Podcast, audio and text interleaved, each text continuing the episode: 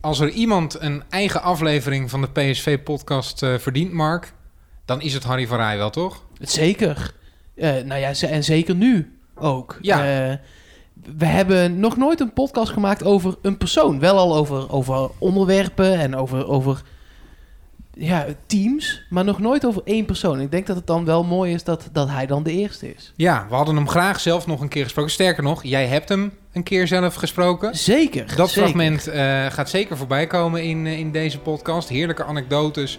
Ja, vooral heel veel herinneringen ophalen aan, uh, aan deze grote meneer... die heel, heel, heel veel heeft betekend voor PSV. PSV podcast seizoen 4, aflevering 3 gaat compleet over Harry van Rij. Legendarisch natuurlijk het feit dat je als PSV uit een stad van 200.000 mensen de, de, de Europese beker wint.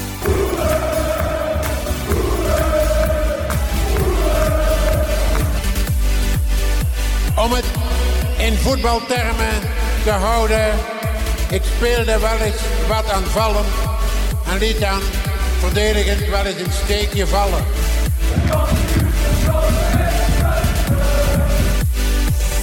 En uh, dat doen we niet alleen. Nee. We zitten in Dronten. Die dat zou je ook niet verwachten bij een, uh, bij een podcast over Harry van Rij. Een PSV-podcast op gingen nemen in of, het mooie Flevoland. Of in Eindhoven zou je dat, uh, zou je dat verwachten. Ja. Of in Haps, waar die uh, is geboren. Ja. of in een ander klein Brabants dorpje. Maar nee, we zijn naar Flevoland gereden. Ja, maar ook wel niet voor de minste, laten we eerlijk zijn. Um, ik denk dat de meeste mensen die deze podcast luisteren... hem kennen als verslaggever van Langs de Lijn. Um, maar, uh, nou ja, ook iemand die ontzettend veel met Harry van Rij is opgetrokken in een eerdere functie. Ja. En die Houtkamp. Welkom hier in, uh, in Dronten. Ja, hoe, hoe ben je hier verzeld geraakt? Ja, ik woonde in, ik ben geboren in Amstelveen. En ik ben uh, toen verhuisd naar Haarlem. Daar heb ik heel lang gewoond. Toen verhuisd naar Hoofddorp. En daar zijn mijn kinderen groot geworden. En een jaar geleden dachten wij, mijn vrouw en ik, de kinderen het huis uit. We gaan eens op zoek naar iets leuks. En we vonden iets heel leuks. Nou, dat ja. is wel gelukt, ja. ja, je woont midden, nou ja, in een golfbaan. Ja. Dit is de hoeveelste hol is... Uh... ja. We zitten hier niet al te ver bij de, ja, het is maar hoe je het bekijkt, de derde hol of de elfde hol. Oké. Okay. En het loopt echt, de, de golfbaan loopt helemaal, loopt rond. helemaal rond de, de wijk. Rond mijn huis. Dit, ja. dit heet ook de golfresidentie. En daar mag ik uh, wonen. Ja, daar gaan we het niet over niet hebben. Over hebben. Nee. Wel mooi. Terecht. We gaan het hebben over Harry van Rij. Want um, je hebt hem ongetwijfeld ook in de hoedanigheid als sportverslaggever ja. meegemaakt. Maar eigenlijk nog veel meer in een andere functie die je hebt gehad. Ja, ik, um, dan moet ik toch even iets over mezelf vertellen over mijn uh, geschiedenis. Ik ben ooit begonnen, uh, dat weten heel weinig mensen, als valutehandelaar bij een bank. Ik weet dus heel veel van geld. En um, op een gegeven moment werd ik gevraagd door Langs de Lijn of ik daar, dat is even kort door de bocht, maar of ik daar honkbal wilde verslaan. Dat ben ik gaan doen. Dat is eigenlijk jouw favoriete sport? Ja, absoluut. Ja. Voetbal in de winter, honkbal in de zomer. Ik voetbalde bij RCH, dat was uh, betaald voetbal toen nog, de club van Johan Neeskens. Ik speelde in de betaalde jeugd, kon aardig voetballen, kon aardig honkballen. En uh, werkte hard in de valutehandel. En toen werd ik gevraagd, omdat ik uh, geblesseerd was geraakt en ging speakeren bij mijn eigen team, of ik, uh, werd ik gevraagd of ik uh, voor langs de lijn wilde gaan werken. En dat ben ik gaan doen. En om een lang verhaal kort te maken, ik heb dat een jaar of acht gedaan met honkbal en basketbal. En toen begon RTL. En die vroegen, zochten commentatoren. En de eerste twee die ze aannamen waren Siert de Vos en, en die Houtkamp. Goed duo. nou, wel totaal verschillend. Ja. uh, en wij deden daar voetbal. En dat was uh, heel erg leuk. En toen eigenlijk kwam ik al voor het eerst in aanraking met, met PSV. Niet heel veel, want wij deden alleen buitenlands voetbal. Maar heel af en toe konden ze wel eens een uh, wedstrijdje kopen, RTL. En dan kwam ik PSV wel eens tegen. Maar na 7,5 jaar RTL ben ik naar Sport 7 gegaan. Die gingen failliet, zoals de meeste mensen wel weten. En toen zat ik zonder werk en toen werd ik gebeld door Nike, door een headhunter eigenlijk, een tussenpersoon. Die vroeg of ik bij Nike sportmarketing manager wilde worden. Uh, ik zei ja en had geen idee wat het was, maar het hield in dat ik voor Nike als sponsor zijnde de sponsorbelangen eh, moest behartigen. En dat betekende vanuit Nike naar PSV. PSV was de belangrijkste asset, zoals dat zo mooi heet. Het belangrijkste eh, sponsor item van Nike op dat moment. Het Nederlands elftal en PSV. Dus dat was een hele belangrijke voor, voor uh, Nike en voor PSV om die contacten heel goed te hebben. Frank Arnezen was de technisch directeur van uh, PSV en Harry van Rij was de voorzitter. En Harry was de eerste man die ik belde toen ik bij Nike ging werken om met hem te praten over wat gaan we doen met PSV. Ja, zullen we de geschiedenis van Harry van Rij bij PSV even doornemen? Nou ja, dat is denk ik wel goed. Je hebt Dan het nu, weten heb we waar dit de- gaat over de jaren overlappen. 90 gehad. eh, ik heb het nu over eind jaren 90, Ja. eh, zeg maar 97. Nou, er zit natuurlijk nog wel een, een geschiedenis voor Harry van Rij bij PSV eh, voor. Eh, begonnen ja, bij Philips als, eh, eh, ja, in diverse functies. Daarna als penningmeester bij PSV gekomen tussen 84 en eh, 1990. Dat legendarische jaar 88 eh, natuurlijk meegemaakt, ook als penningmeester. Jacques Ruts en was toen voorzitter Kees Ploegsma als, als technisch manager. En uiteindelijk is hij dan meneer de voorzitter eh, ehm, geworden. Eh, in, eh, in 93, van 93 tot 96 nog als penningmeester eh, gewerkt, maar van 96 tot 2004. En eigenlijk als je dat aantal jaren bekijkt, is dat maar heel kort. Het valt allemaal wel mee. Ja, ja. maar voor je gevoel is het, in ieder geval in mijn gevoel, is het veel langer dan dat. Ja, Ja. Voor mij ook hoor. Ja, Ja, de man heeft zo'n stempel gedrukt op PSV. Dat is echt ongelooflijk. Hij heeft er, en dat, daar komen we straks vast wel op, echt voor gezorgd dat het Brabantse, dat PSV dat Brabantse accent bleef houden. maar Was toch dat- ook wel juist ambitieuzer en meer buiten Brabant is gaan denken. Die combi. Ja, maar mij. het leuke is, ik zal je een, een mooi verhaal vertellen. Ik werkte bij Nike en eh, op een gegeven moment kwam eh, eh, Nike met het idee om voor heel veel miljoenen PSV groter te laten worden. PSV moest werelduitstraling krijgen. De shirts moesten niet alleen verkocht worden in Eindhoven of in Moensel of in, in Best, maar moest ook in eh, Buenos Aires en in Montevideo en overal moest het verkocht worden. Daar was iets heel belangrijk voor, dat PSV toch een beetje van dat boerse afging. En wie kon dat beter doen dan het bestuur, oftewel Harry van Rij. Dus ik ging naar Harry toe. Ik zeg, Harry, wij betalen nu ongeveer 10 miljoen gulden, dat was nog in die tijd gulden, per jaar. En nee, het was veel minder trouwens. Eh, echt veel minder. Maar we kunnen dat flink ophogen. Dan moet er één ding gebeuren. Dan moeten jullie van het boerse af. En hoe je dat doet, maakt niet uit. En toen zei Harry, Andy, luister eens goed naar me, manneke. Dat doen wij niet. Wij zijn van de boerenkar. Wij zijn van het feest op de boerenkar. Aan het eind van het jaar, als we kampioen worden. Die boerenkar blijft altijd boerenkar. Zal nooit een Mercedes worden. Ik zei, nou, zo simpel was het. Dat was duidelijk en goed. Het heeft ze veel geld gekost. Want Nike zei, oké, dan houden we het bij die 800.000 gulden. Plus eh, de shirts die allemaal gratis werden geleverd. Maar in cash werd er 800.000 gulden betaald per jaar. En heel veel in cash. dat kon dus naar de 10 miljoen. Makkelijk. Zoveel, zoveel verschilde het. Ja, En hij zei gewoon, oké. doen we niet. Terwijl Nee. je, eh, als je, als je aan Harry van Rij terugdenkt, eh, in grote lijnen toch altijd denkt... oh, die wilde zoveel mogelijk geld binnenhalen, had eh, veel ambitie. eh, Nu achteraf gezien, denk ik dat hij het helemaal bij het juiste eind had. Want ik denk dat hij meer nadacht over de identiteit van de club. En als de club niet de Eindhovense identiteit, maar de Nederlandse identiteit, want dat was het verschil, Brabant of Nederland, dan hadden ze nooit zoveel geld verdiend. Want er waren alle sponsors eromheen misschien wel een beetje weggelopen. En ik ken heel wat sponsors, want ik heb natuurlijk in die anderhalf jaar eh, dat ik bij Nike zat, bij PSV, elke thuiswedstrijd in de sponsorbox gezeten die wij hadden. En dan zat ik naast Mercedes, de grote manieren en, eh, en, en een binnenhuistoestand, eh, van alles en nog Ja. wat. En Harry was er altijd. Maar ik ben ervan overtuigd dat hij door niet het grote geld in één keer aan te nemen, het grote geld wel heeft verdiend Ja. voor PSV. Waren eigenlijk alle meetings die jij met hem had, en hoeveel waren dat er dan, waren die zo? Was hij in alles zo stellig? Of kon je ook wel Ja. gewoon... eh, Nee, je kon wel met hem praten, maar het moest wel zoals hij eh, wilde. en, en dat was ook met, met spelers bijvoorbeeld. Eh, wij waren de sponsor van PSV. Wij waren shirtsponsor met de, de swoosh. En er stond daar een mooie Philips op. Maar we waren ook sponsor van spelers. En spelers konden, als ze net kwamen... en ik denk aan een jongen als Koglof... zou ik nooit vergeten. Kwam, kwam ik op maandag bij op de hertgang... en dan was of Harry daar... en altijd was daar eh, Frank Arnissen. En dan kwam Frank naar me toe, of Harry... en dan zei eh, Frank of Harry... Andy, ik heb een speler weer gecontracteerd en die jongen die heeft schoenen nodig en shirtjes en dat soort dingen. Heb je niet een klein contractje voor die jongen?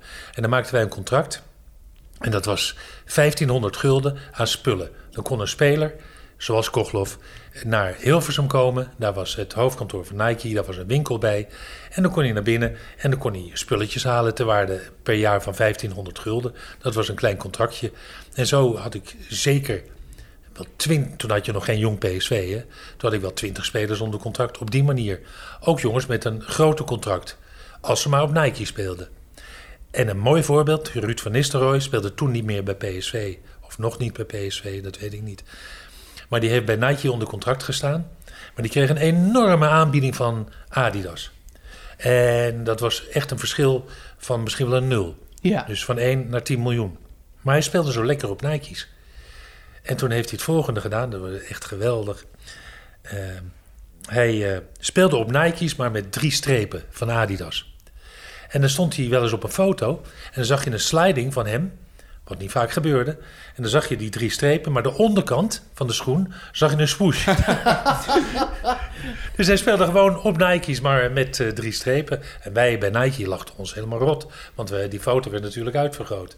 Nou, Harry zorgde ervoor dat al die jongens goed onder de pannen waren. Want hij zorgde niet alleen goed voor de club, maar ook voor zijn jongens.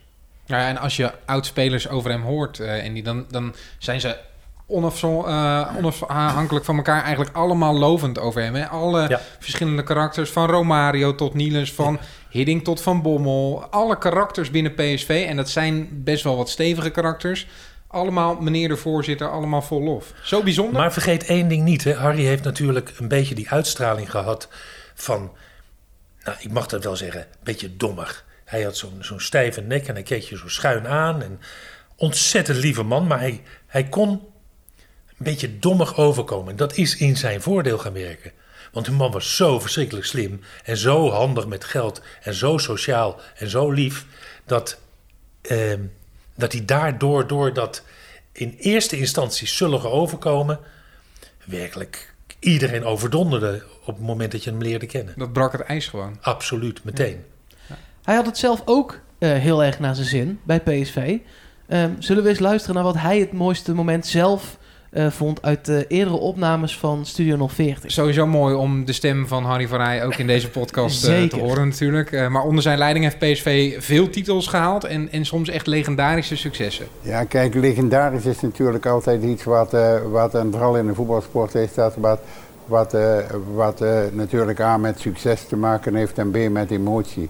En als je natuurlijk legendarisch kijkt, blijf je natuurlijk onherroepelijk. Uh, legendarisch natuurlijk het feit dat je als PSV uit een stad van 200.000 mensen de, de, de, Europese beker wint, de Europees, Europees kampioen wordt.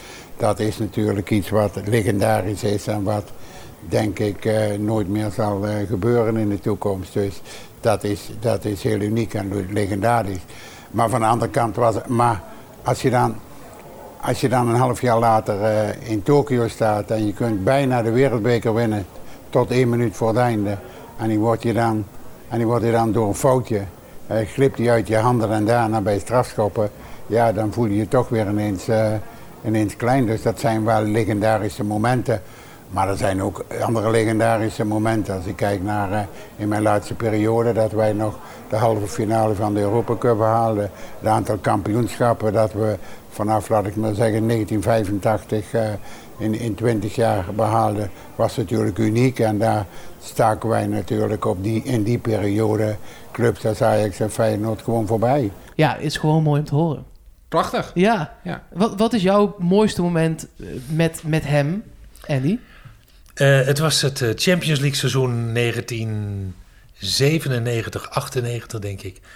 En als sponsor reisde hij ook mee met de club. En wij gingen naar Kiev. Dynamo Kiev PSV. Eindstand 1-1, niet belangrijk in dit verhaal. Harry vraagt aan mij, overigens, Ik mocht Harry zeggen. Ja. Iedereen heeft het over meneer Van Rij. Ik mocht Harry Jij zeggen. mocht gewoon Harry zeggen. Ik mocht Mooi. gewoon Harry zeggen en deed dat ook. Ehm, hij zei in het vliegtuig tegen me... Andy, ehm, we komen straks aan en dan gaan we naar het veld. En eh, daar ontmoet ik mijn eh, tegenhanger van eh, Dynamo Kiev, de voorzitter van Kiev. En dan moeten we eten. Hij zei, doe maar lol, ga met me mee. Ik zei, nou, dat is goed. Wat ik toen heb meegemaakt, dat tart echt alles. Harry zegt tegen me, hij had een hele grote doos bij zich.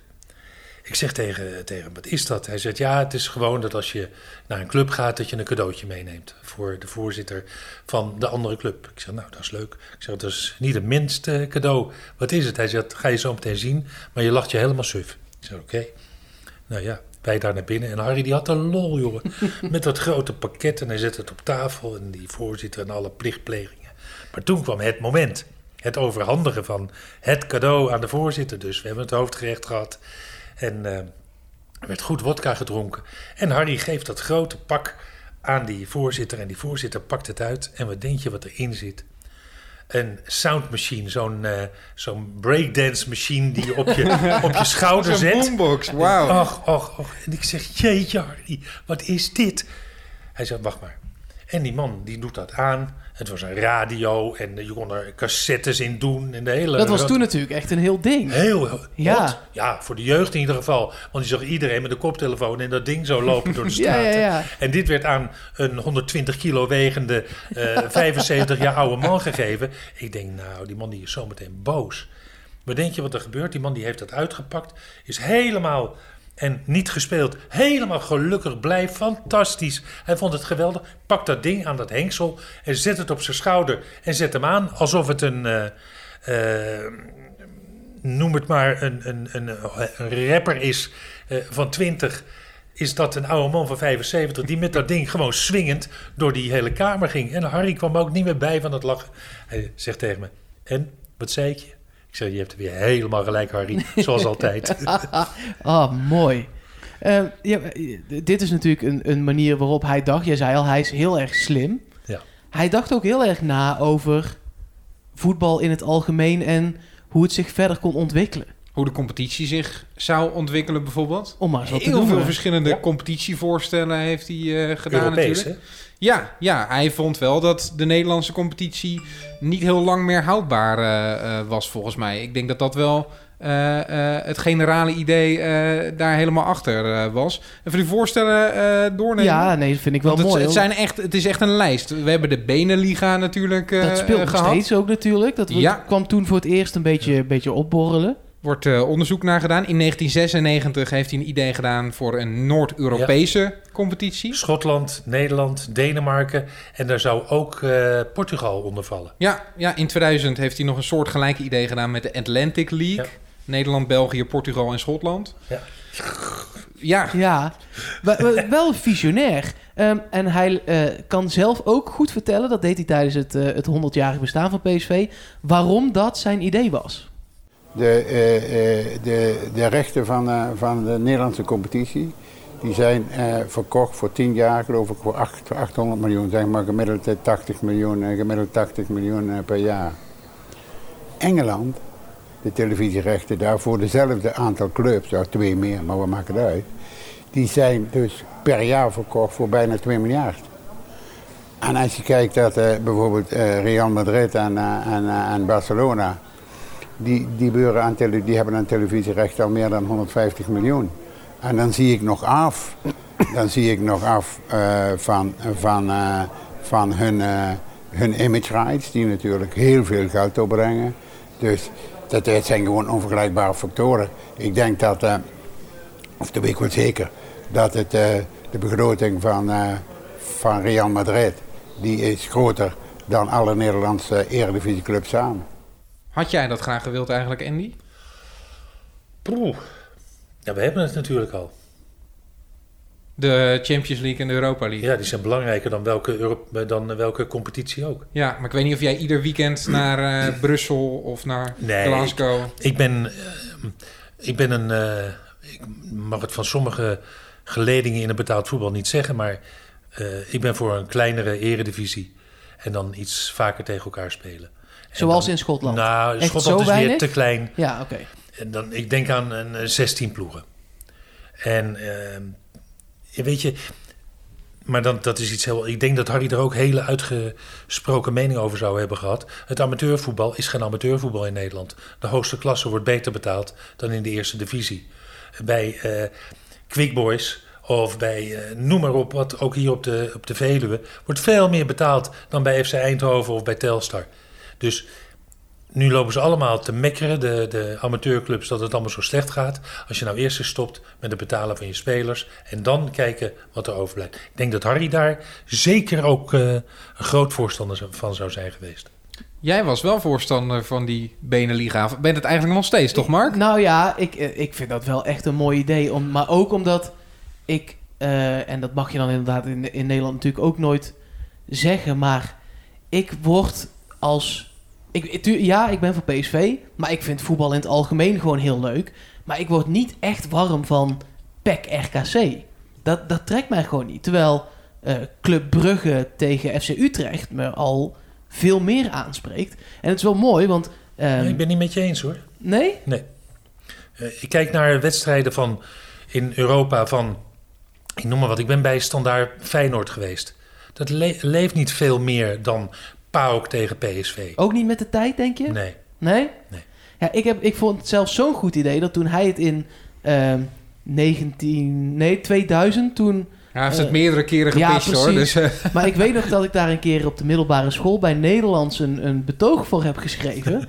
Dus eigenlijk, Harry van Rij is een van de redenen dat ik ben geslaagd voor Nederlands op de middelbare Kijk, school. kijk. ja, dat, het had op het lijstje gemoeten van eh, prestaties die Harry van Rij heeft geleverd. Dat is wel een hele grote prestatie. Ja, ja, ja, Ja. Nou, dat ik ooit een diploma heb gehaald is te danken aan Harry van Rij.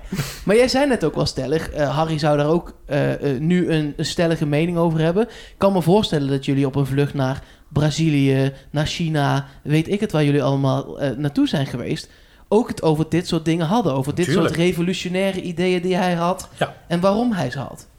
Ja, maar dat was duidelijk. Hij, hij is ervan overtuigd geweest dat wil je ehm, je eigen identiteit, die, dat is het, het woord voor Harry van Rij altijd geweest. Identiteit van PSV.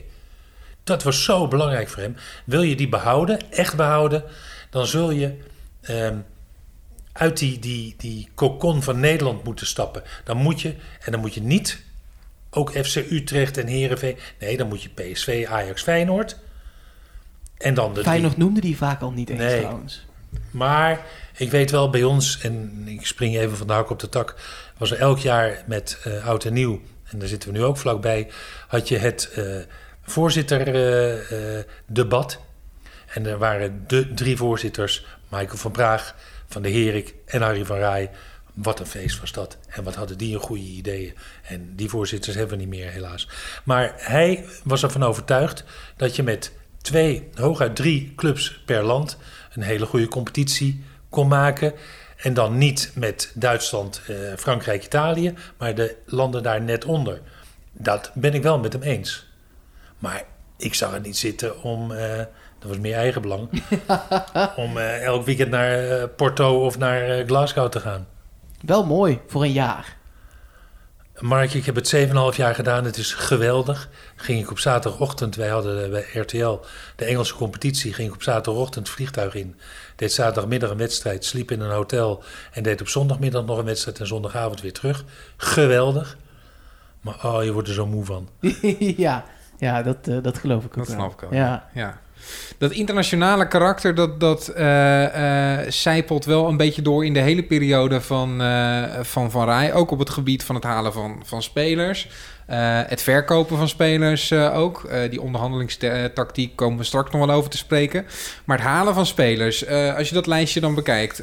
Ronaldo, Romario hebben we net al genoemd. Kesman bijvoorbeeld ook. Grote aankoop geweest voor. PSV.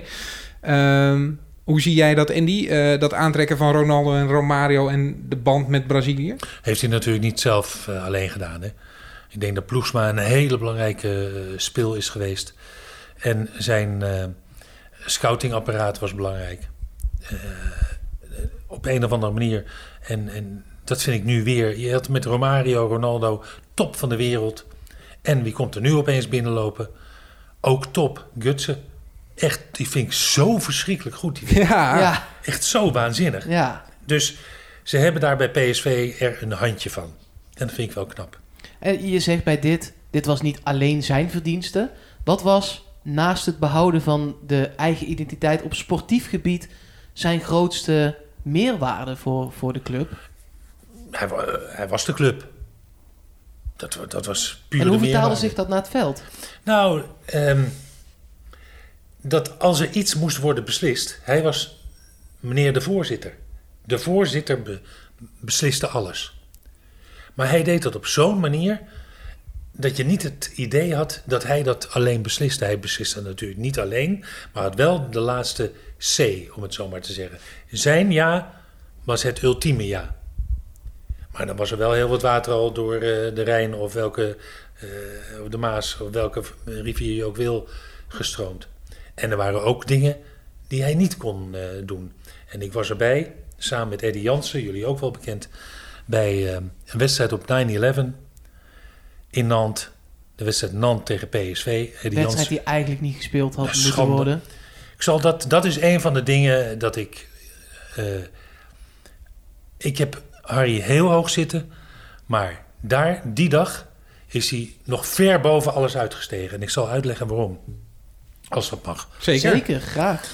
Eddie Jans en ik gingen voor langs de lijn naar Nantes, voor Nantes PSV. En Harry was nog altijd voorzitter.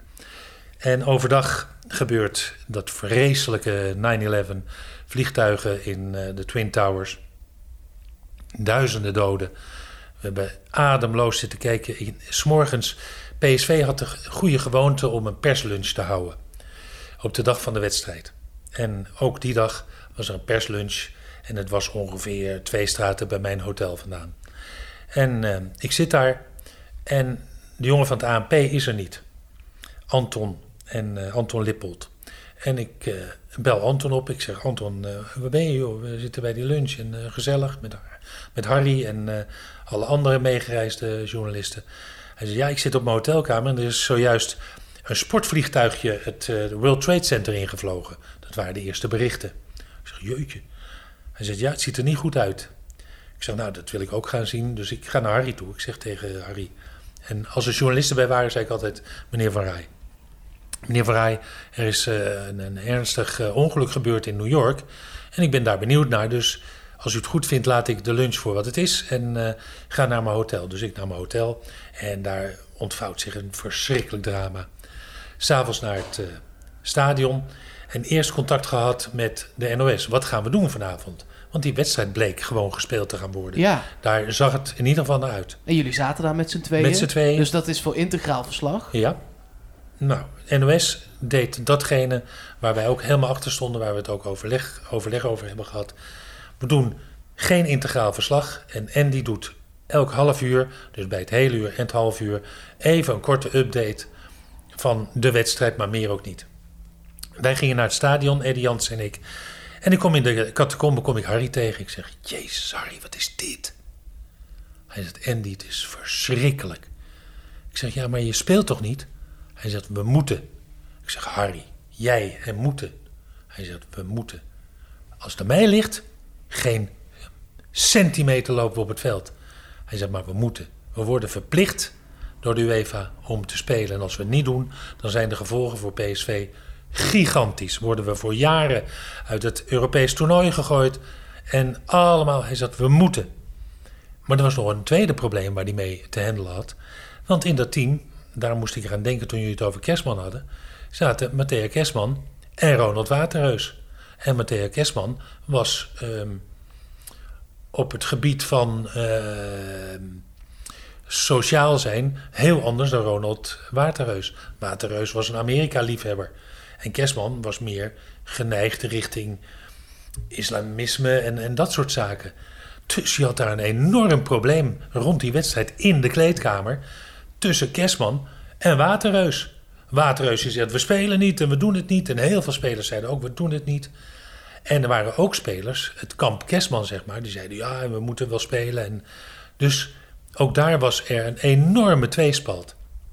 Wat bijna tot gevechten heeft geleid eh, tussen spelers onderling. Dat moest Harry ook nog oplossen. Dus die man, en hij liep altijd al zo gebogen. Die liep nog tien keer zo gebogen in die catacombe in Nantes dan normaal. En ik had zo met die man te doen, want ik zag de tranen in zijn ogen. En ik zal je eerlijk zeggen, op dat moment borrelden bij mij ook de tranen op. Ik had zo met die man te doen. Die had zoveel aan zijn hoofd. En ik wist natuurlijk door mijn, want dat was na mijn Nike-periode. Dus ik had al die relatie met, eh, met, met hem, met Harry. Dat hij er echt helemaal doorheen zat toen. En dat heeft hem een paar jaar van zijn leven gekost. Ja, dat geloof ik ook wel als ik dat zo hoor. Ja, voorzitter ben je naar buiten toe, maar ben je dus ook echt heel erg binnen, binnen Ja. de club. En op zulke momenten lijkt dat me ontzettend moeilijk. Ja. ja, ja. Ja. Oeh, herinnering aan, Zeker. aan Harry van Rij. Nou ja, gelu- gelukkig zijn er ook mooie herinneringen. Zeker. Absoluut. niet dat dit geen mooie herinnering is, maar toch voor hem een verdrietige.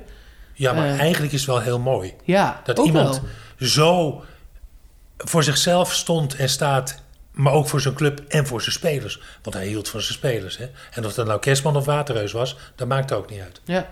Ehm, je hebt het, dit gebeurde tijdens een, eh, een Europese uitwedstrijd in Frankrijk. Ja. Ehm, hij vertelt zelf over wat zijn favoriete uitwedstrijd is. Ik sprak hem eh, tijdens het 100 jaar Je hebt hem nog mogen spreken. Zeker. Eh, en ik heb hem natuurlijk... Ik bedoel, hij trad in 1996 aan als voorzitter. Toen was ik zeven. Dus ik heb daar niet... Ik heb... eh, bij mij, en misschien ook wel bij jou... ken ik Harry van Rij... Misschien nog wel meer als Erik van Muiswinkel... die Harry van Rij doet. En daardoor ben je filmpjes van Harry van Rij gaan kijken. Maar ja, dat was voor Wat mij hij op zeven- dat moment betekende, daar had je eigenlijk nee, geen idee dat heb van. Ik, heb ik later teruggelezen in boeken en zo. Eh, en toen mocht ik hem nog een keer spreken, inderdaad. En het is gewoon een fantastische man. Die vertelt over zijn reisje naar Dynamo Batumi. Ken je dat nog? Nee. Nee, nou, hij is er geweest met PSV. Ja, een reisje naar Batumi. Batumi is een plaats in, eh, en we moesten toen spelen. Ik dacht voor Europese Cup voor bekerwinnaar, denk ik, ik weet het niet meer precies. Ik denk dat het in eh, 97 was, 6, 6 of 97, ik denk 97. En we moesten toen naar Batumi. Dat begon al mooi dat we bijna geen vliegtuig konden krijgen die daar landen. Want je moest daar landen op een weiland waar de koeien liepen. En daar hadden ze een baan tussen gelegd. Maar een van de mooie dingen was, eh, het is de gewoonte bij, dat je bij Europese wedstrijden ging je altijd, eh, had je altijd een diner één dag voor de wedstrijd of een lunch eh, s smiddags eh, gedurende de wedstrijd met, eh, met het bestuur van de tegenpartij. Nou, en wij kwamen daar dan als gasten. En wij zaten toen s'avonds, dus was de avond daarvoor, zaten wij eh, in een restaurant met een, aan een grote tafel. Maar er waren ook verder allemaal eh, andere, andere gasten in. En ik zat, zoals gebruikelijk was eh, in die dingen, zat ik naast de voorzitter van de tegenpartij. Enfin, de, de, wij waren aan het eten en plotseling viel het licht uit. Dan ging een of ander schot. Dus wij waren dan wel overleven dit jaar of nee. Enfin, na tien minuten ging het licht weer aan. En de voorzitter die naast mij zat, die was verdwenen. En dan zat plotseling een andere. Ik weet niet of dat nou de andere voorzitter was. Dus, maar eh, dat, was een, dat was een hele bijzondere gebeurtenis, moet ik zeggen. Hebben jullie die wedstrijd uiteindelijk nog gewonnen eigenlijk daar? We hebben hun wel uitgeschakeld. Ik weet wel dat ze hier, toen ze hier kwamen, bij een uitwedstrijd, eh, eh, toen zijn er nog een aantal gearresteerd, ook van die spelers, want die hadden hier gestolen in de bijenkorf. Je maakt dat mee zo als bestuurder bij PSV. ja, maar dat zijn natuurlijk toch wel dingen die je liever niet meemaakt. Ja, achteraf is het leuk om het te vertellen, maar als je daar plotseling zo'n schot hoort, dan voel je je toch niet meer helemaal happy. Ja, dat, Fantastisch. Die, die, die, die Oostland, dat is... Ik weet niet wat er allemaal gebeurt altijd bij, die, bij dat soort reizen. Maar ik geloof me ook echt dat je daar zoveel meemaakt. Wat, je, wat in ieder geval niet Nederlands is, om het zo maar even te zeggen. Dat, eh, dat is mooi.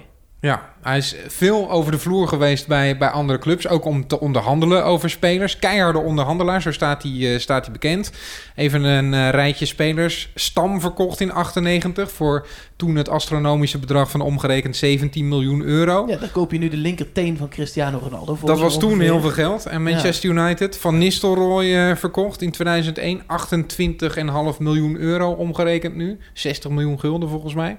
Eh, Arjen Robben verkocht in 2004 18 miljoen euro aan eh, Chelsea. Was het een keiharde onderhandelaar, eh, Andy? Nou, wat is, hij was heerlijk. Boudewijn Zender moet ik ook nog aan denken. Die heeft hij ook. die, had ik, Barcelona. Die had ik, dat dat is ook wel een aardig verhaal. Daar had Harry een beetje mee te maken. Want ehm Boudewijn stond onder contract bij ons en zijn contract liep af. En ik ging met hem onderhandelen over een verlenging van het contract. Een contract met Nike houdt in ongeveer 35 eh, bladzijden. Daar wordt werkelijk alles in beschreven, van je riem tot de bril die je wil dragen, alles. En Boudewijn wilde eigenlijk het liefst naar het buitenland. Die wilde groot worden in het buitenland en dat zat er ook zeker in. Zijn vader was een zaakwaarnemer en chef. Chef was een eh, advocaat uit Maastricht, later nog eh, voorzitter geworden van MVV. En, ehm, en ik zaten rond de tafel in het Holiday Inn Hotel in Eindhoven om het contract eh, rond te maken. En wij maakten, en dat gaf ook weer aan, ik heb het vorige verhaal over Harry verteld, over de identiteit van PSV. Ehm, Nike wilde groot zijn. Dus op het moment dat Boudewijn zende, die boden we een vijfjarig contract. Als hij vijf jaar bij PSV zou blijven, zou hij vijf keer eh 50.000 euro, ik noem maar wat, eh, dollar krijgen. Maar op het moment dat hij tussentijds naar een grote club ging, dat werd beschreven, dat waren clubs als Manchester United, eh, Barcelona, Bayern München, dan zou dat verdubbeld worden. Wat ook gebeurd is, want hij ging naar Barcelona op een gegeven moment. En dat gaf eigenlijk ook precies aan hoe dat werkte. Maar dat werd op de achterkant van een filtje gedaan, het voorstel. En dan eh, Boudewijn Zende en zijn vader Pierre. Pierre kende ik vanuit de NOS ook nog. En eh, chef Gouwmans, de advocaat, die gingen dan de gang op met dat filtje waar ik vijf eh, bedragen op had geschreven, een vijfjarig contract. En die kwamen dan terug en dan stond er, was, op dat filtje was er wat doorgestreept en dan was eh, een vijf is een nul geworden, dat soort dingen. nou, was echt geweldig. En zo werkte dat. Praat je over miljoenen en toch... En eigenlijk die gemoedelijkheid eh, met die viltjes, dat heb ik altijd met Harry gehad. Heb je nooit gehad met clubs als Ajax of, of met het Nederlands elftal. We hadden ook een Nederlands elftal. Een PSV voor 800.000 gulden per jaar. Nederlands elftal voor 10 miljoen gulden per jaar. Die veel minder wedstrijden speelden. Ja. Om maar even aan te geven Bizar. het verschil. Ja. Eh, we hebben het dan gehad over hoe hij met, met spelers omging. Hoe ging hij met trainers om? Ja, vraag maar aan Guus. ja, die was gek op eh, Harry. Ook weer omdat hij zichzelf wist, bijna wist weg te cijferen. Dat, dat bijna slemielige, wat ik eerder zei, dat zullige, ehm, dat speelde zo in zijn voordeel. Want als Harry naast je stond, dan hoefde je nooit bang te zijn. Dick Advocaat was gek op Harry van Rij. Nou, Dick is niet gauw gek op iemand hoor. Ik denk dat een man als Van Gaal niet zo met Van, van Rij zou hebben kunnen. eh, Waar zit dat hem in dan? Weet je, ik denk dat Harry een beetje hoopt van mensen dat ze zijn een heel klein beetje zoals hij is. En Guus is zoals hij is. Advocaat is ook een hele aimabele man. Bobby Robson, Erik Rob, Gerrits had ja. hij nog eh, onder zijn hoede. Ja, Gerrits was niet zo leuk hoor.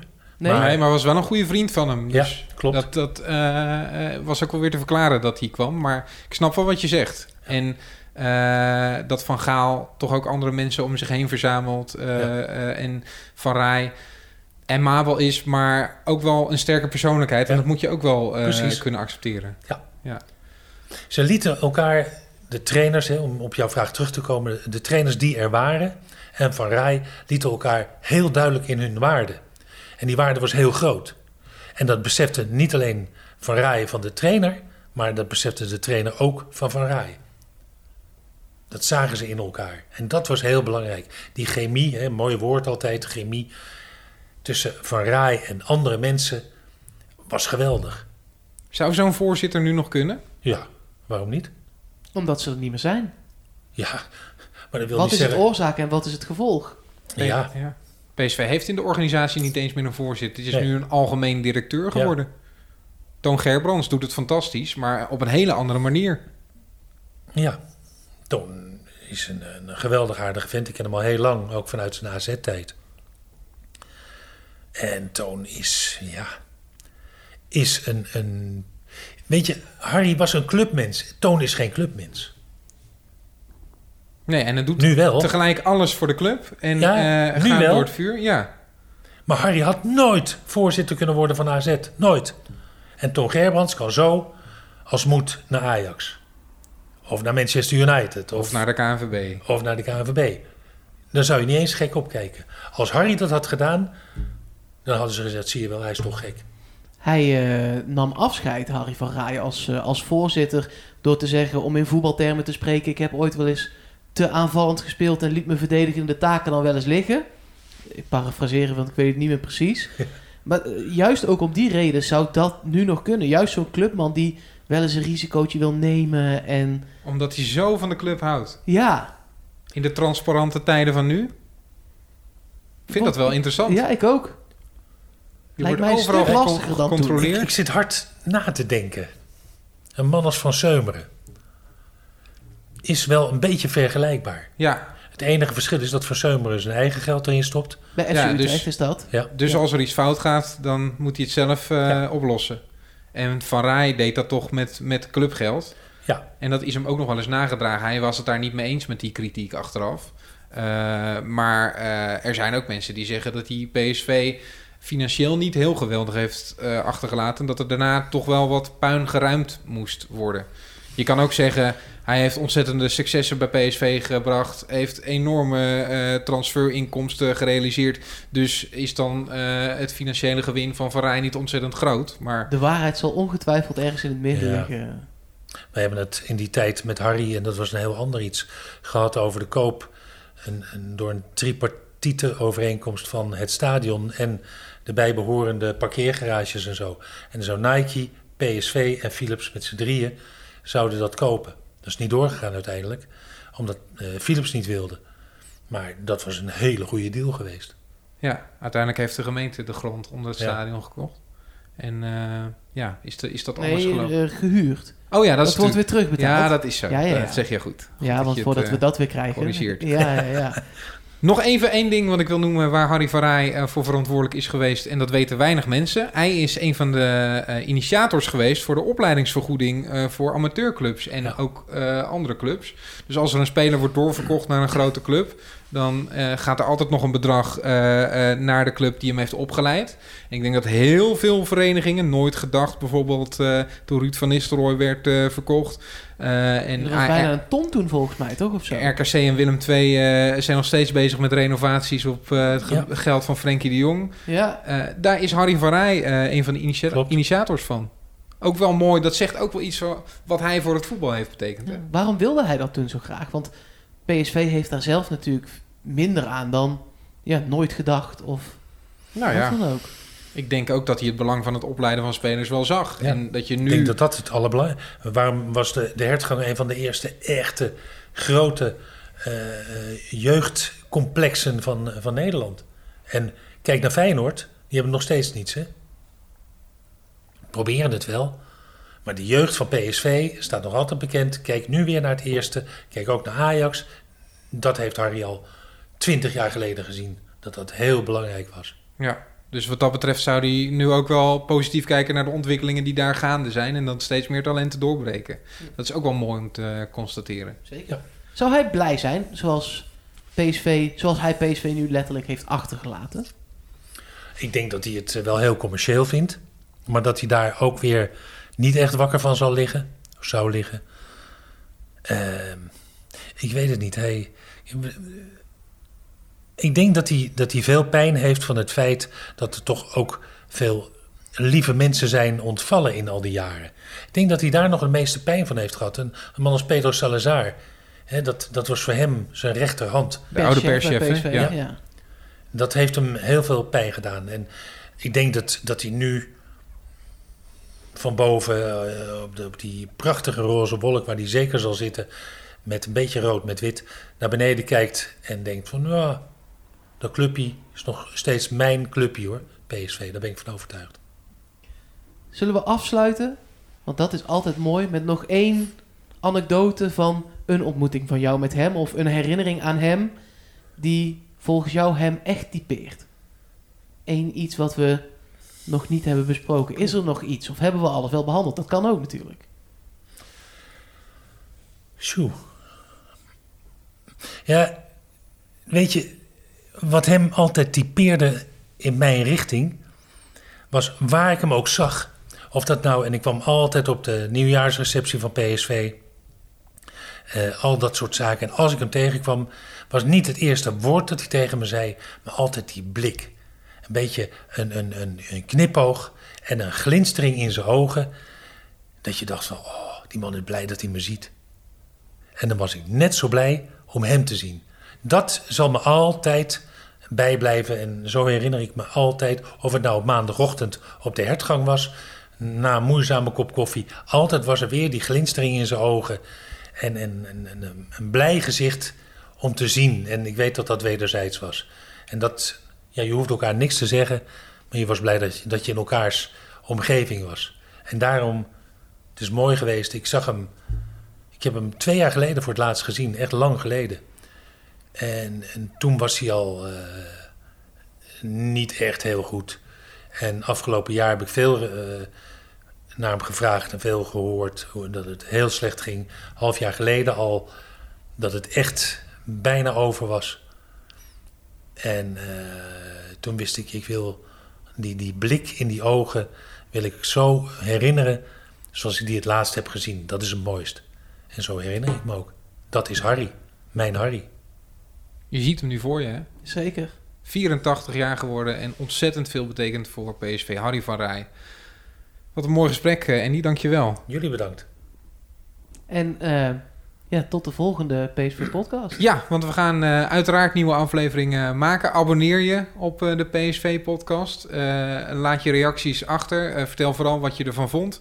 En geef ook vooral onderwerpen door die je graag een keer behandeld eh, zou willen zien in de PSV-podcast. Mocht je meer willen horen over die 9-11-wedstrijd eh, bijvoorbeeld, dat kan ik me maar zo voorstellen. Ik kan me ook voorstellen dat we daar wel een keer een aflevering over gaan maken. Maar Met Waterreus en Kerstman hoor ik zojuist. ik denk dat dat gezellig wordt eh, Ja. aan tafel inderdaad. Adil Ramzi er nog bij. Wordt, Ja, eh, wordt vast heel leuk. Eh, maar het mag ook iets heel anders zijn. Eh, iets over eh, de huidige tactiek van PSV. Daar hebben we natuurlijk een podcast over gemaakt met Pieter Zwart. Eh, misschien wil je het wel over de keepers van PSV hebben. Eh, laat het ons vooral weten. Op onze sociale kanalen heten we gewoon PSV Podcast. Wel zo makkelijk. Precies. Ja. En eh, dan spreken we je in de volgende aflevering. Andy, dankjewel. Jullie ook bedankt voor het komen naar het mooie Flevoland.